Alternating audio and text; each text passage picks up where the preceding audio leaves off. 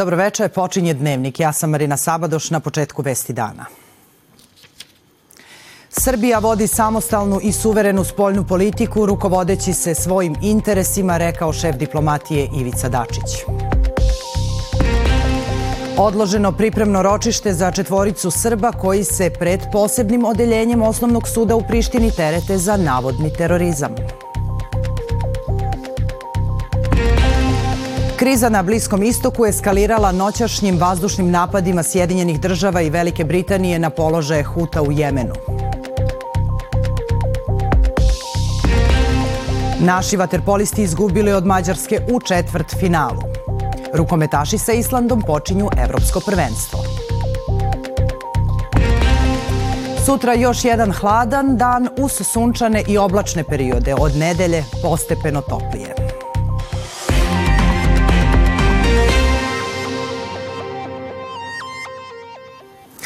Srbija vodi samostalnu i suverenu spoljnu politiku rukovodeći se svojim interesima, izjavio je ministar spoljnih poslova Ivica Dačić i poručio da Srbija nije ničija produžena ruka.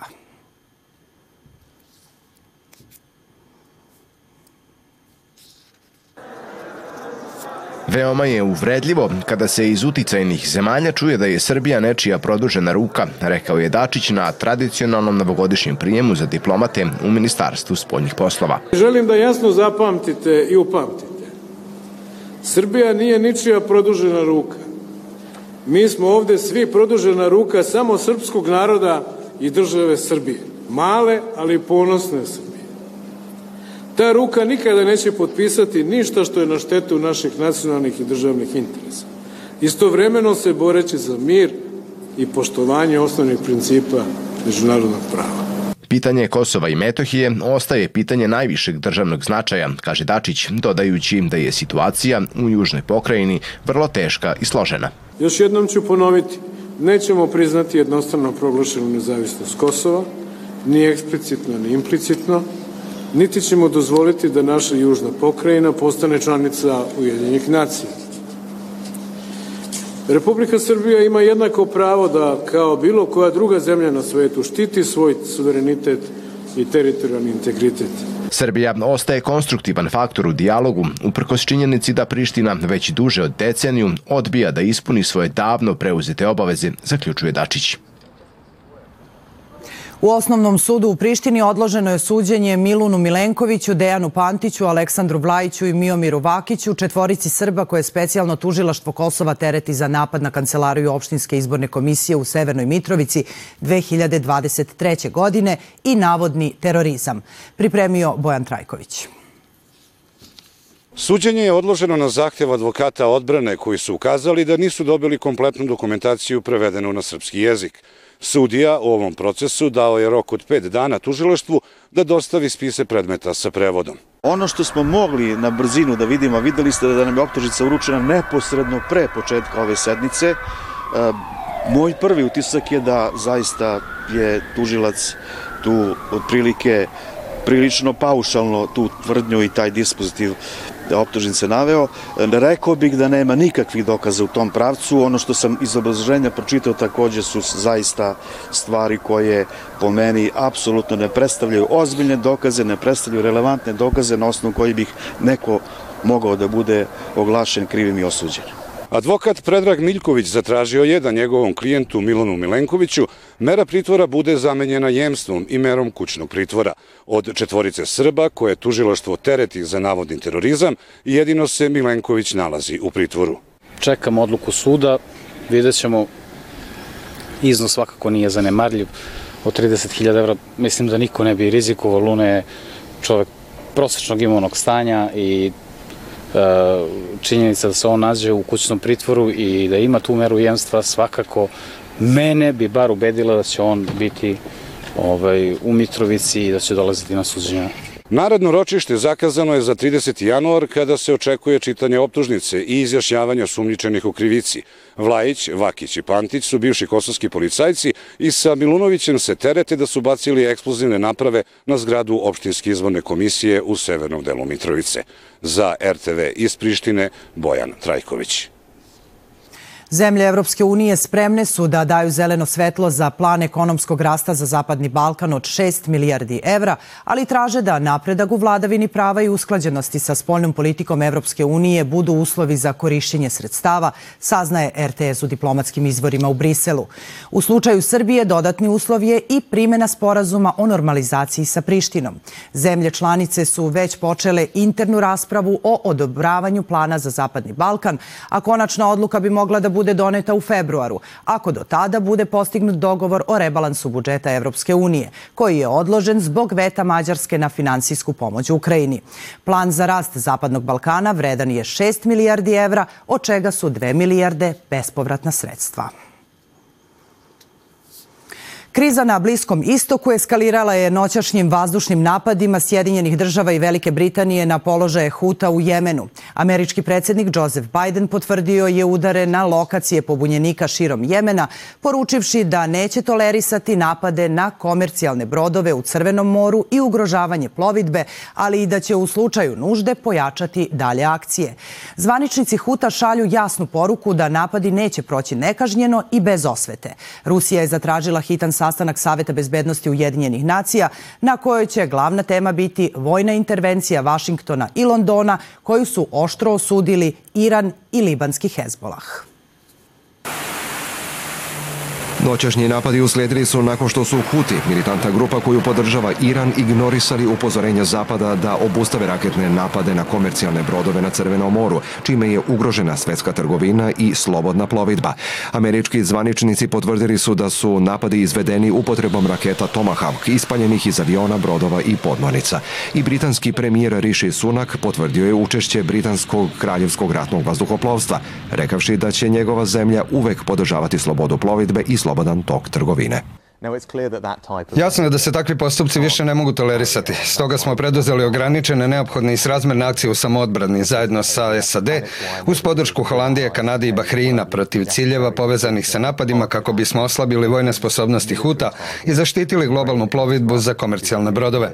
Prve indicije govore da su ti udari bili uspešni. Huti su potvrdili da su napadi izvršeni širom Jemena, a na meti napada bila je i prestonica Sana. Kao deo podrške kontinuiranim izraelskim zločinima u Gazi, američki i britanski neprijatelji snose punu odgovornost za zločinačku agresiju na naš narod.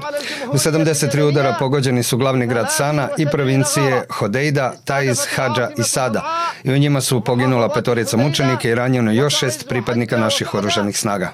Prethodno i lider te militantne grupe poručio da će Amerika i Britanija platiti visoku cenu.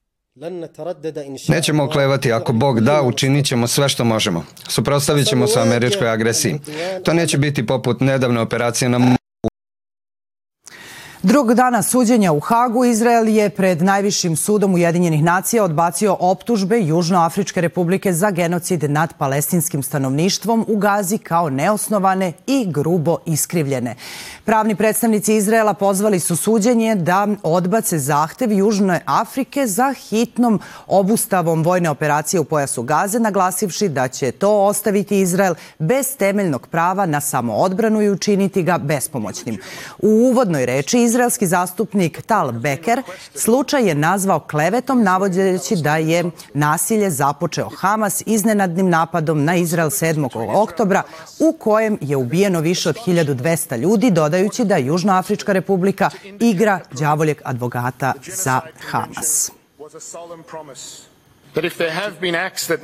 Ako postoji genocid, onda se on sprovodi nad Izraelom. Ako postoji zabrinutost u vezi sa obavezama država prema konvenciji o genocidu, onda je to u vezi sa njihovom odgovornošću da deluju protiv Hamasovog programa uništenja države Izrael, koji je on ponosno objavio. Zapanjujuće je da je od suda zatraženo da ukaže na privremenu meru kojom se Izrael poziva da obustavi svoje vojne operacije, ali to je pokušaj da se Izraelu uskrati njegova sposobnost da ispuni svoje obaveze u odbrani prema prema svojim građanima, zatim taocima i više od 110.000 interno raseljenih Izraelaca.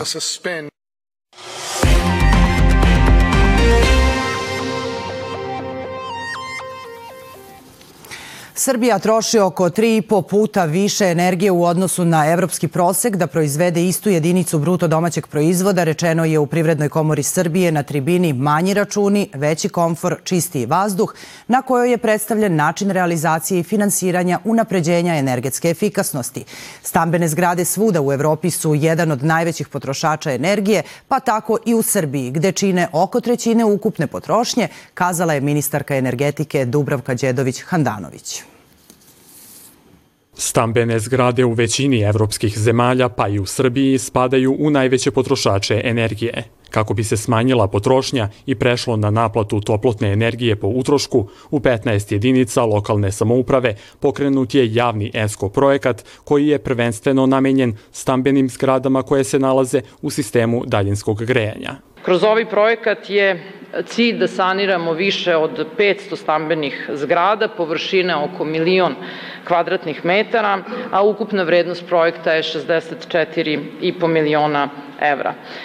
Prioritet će biti zgrade koje mogu najviše da uštede, a naša je procena da će uštede ići do nekih 35 Do sada je prijavljeno 950 stambenih jedinica, od čega više od polovine u Beogradu. Naravno, to nam je drago, Beograd je glavni grad, e, najveći grad, ali e, još jednom apel e, i e, jedinicama lokalne samouprave širom Srbije da zaista iskažu svoje e, interesovanje. Projekat nudi niz pogodnosti za građane koji će sami moći da utiču na troškove grejanja zimi, odnosno hlađenja leti. Povećaće se komfor, ali i vrednost nekretnina, dok će troškovi održavanja na ovaj način biti niži. Značajna sredstva su obezbeđena i građani će finansirati najviše 50%, a verovatno i niže od 50% kada se uzmu u obzir sve donacije koje su 50% e, investicionih sredstava, ali i donacije za razvoj projekta, za studije, za analize. Radna grupa vlade Srbije za kvalitet vazduha je ovaj projekat proglasila projektom od posebnog značaja za, za Republiku Srbiju. Tako da imamo sve, sve potrebne uh, uslove i ono što je bitno i već ste čuli, imamo i odličan odziv građana i upravnika. U prethodne tri godine sprovedena su i realizovana tri javna poziva u okviru kojih je energetski sanirano oko 20.000 domaćinstava. Cilj resornog ministarstva je da ih u naredne četiri godine bude 50.000. U narednih sedam dana benzin na pumpama biće jeftiniji i litar će se prodavati po 174 dinara, potvrđeno je Tanjugu u Ministarstvu trgovine. Najviša maloprodajna cena dizela je nepromenjena i litar košta 194 dinara. Prema podacima poslednjeg popisa stanovništva sprovedenog u našoj zemlji u 95 od 100 naselja evidentirana je depopulacija. Jedina veća gradska naselja koja se nisu smanjila su Novi Pazar, Novi Sad i Beograd. Novi Sad je i među tri grada u Srbiji u kojem je zabeležen pozitivan prirodni priraštaj. Iako je ta vest nesumnjivo pozitivna, postoji i druga strana priče. U godini za nama na teritoriji Novog Sada rođeno je 6400 beba i oko se granica za rađanje znatno pomerila. Između ostalog, to se tumači kao posledica pozitivnog migracionog salda. U proteklih 10 godina imamo tu neku statistiku, oko 6,5 mm -hmm. hiljada i uvek dečaci malo prednjače. U ostalo mi prva beba u ovoj godini nam je dečak Milan, u mm -hmm. pola tri se rodio, tako da ovaj, E, statistika je dobra, povoljna i, kažem, sto, stotinak beba gore dole. Reproduktivni period ljudi koji su u Novi Sad pristigli tokom prisilnih migracija još je jedan razlog što Novi Sad baš sada prednjači po broju rođene dece. Bili smo svedoci toga pre 30 godina uh, tokom jugoslovenskih ratova da se u Novom Sadu doselio veliki broj stanovništva, a isto tako uh, smo svedoci sada uh, tokom ovih sukoba u, u, u Ukrajini. Želim da apostrofiram uh, nije e, ništa e, neobično i čudno. Grad kao što je Novi Sad e, zaista nudi mogućnosti. Iako je primer Novog Sada nesumnjivo pozitivan, gledajući demografsku situaciju u celosti, stručnjaci ističu da postoji rizik da se za 20 godina pojedina manja mesta u Srbiji ugase. Gradovi srednje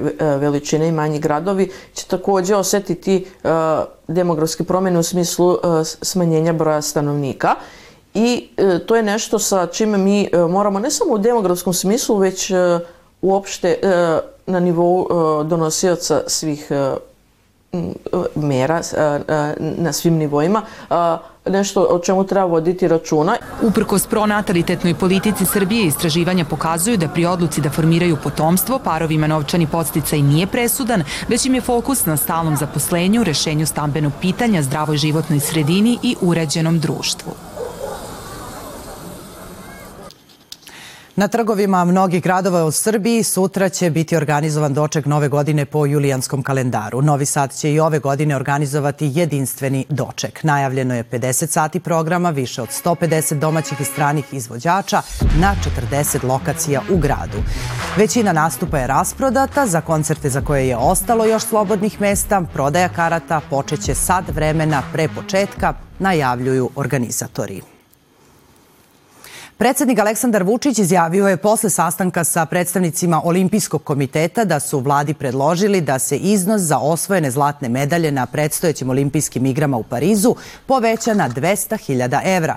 Bilo je reči o nagradnom fondu kao i o dodatnim ulaganjima u sportu koja u mnogome doprinose dobrim rezultatima. Predložili smo vladi Srbije da poveća iznos za osvojene zlatne medalje na 200.000 evra po medalji, napisao je Vučić na Instagramu.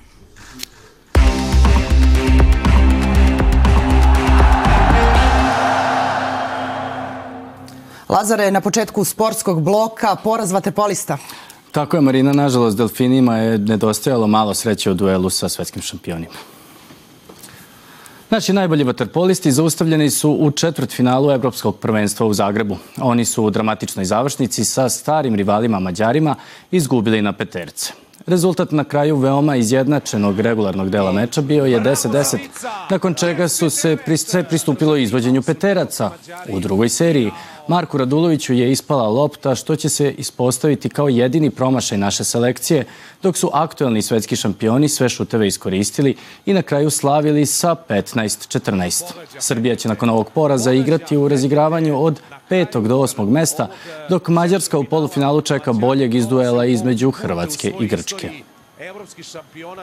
A svoj prvi nastup na Evropskom prvenstvu u Nemačkoj večeras imaju naši rukometaši u duelu sa Islandom koji počinje u 18 časova. Izabranici selektora Tonija Đerone nalaze se u poprilično izjednačenoj grupi C u kojoj će se nadmetati i selekcije Crne Gore i Mađarske. Upravo sa Mađarskom naša reprezentacija u nedelju igra svoj drugi duel, dok će sa Crnom Gorom odmeriti snage u utorak.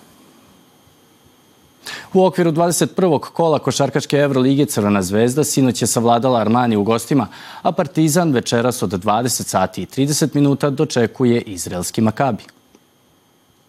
Vidjet ćemo kako se to izgleda sad protiv Makabija. Naravno da nam je utakmica važna. Znamo da ima još 14 kola do kraja i da je svaki naredni, naredna utakmica za nas uslovno rečeno neko malo finale. Za kraj sportskog bloka pričamo o tenisu. Novak Đoković saznao je svog prvog rivala na Australian Openu. To će biti hrvatski tinejdžer, 18-godišnji Dino Prižmić, koji je u duel sa Novakom izborio kroz kvalifikacije. Meč je na programu prvog dana turnira u nedelju, ne pre 9 sati ujutru po našem vremenu. Pobednik meča u drugom kolu sastaće se sa boljim iz duela između Alekseja Popirina i Marka Polmanca. Eto, Marina, možemo večeras da bodrimo naše rukometaše, a u nedelju počinje Australian Open. Tako je, Lazare, hvala ti. Kada je o vremenu reči, narednih dana pravo zimsko vreme s temperaturama oko nule.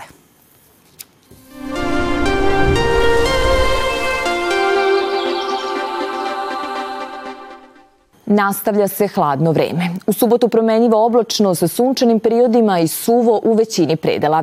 Samo će na jugoistoku Srbije i homorskim planinama provejavati sneg. Jutarnja temperatura minus 10 stepeni, a dnevna do četvrtog podeljka. Tokom noći hladno. U nedelju više sunčani sati i toplije za nekoliko stepeni. Početak sedmice obeležit će promenjivo vreme u slabu kišu u nižim predelima. Na planinama se očekuje sneg. Utorak hladnije uz kišu kišu i susnežicu. Od sredine sledeće sedmice porast temperature. Toliko u ovom dnevniku. Hvala na pažnji. Ostanite uz RTV.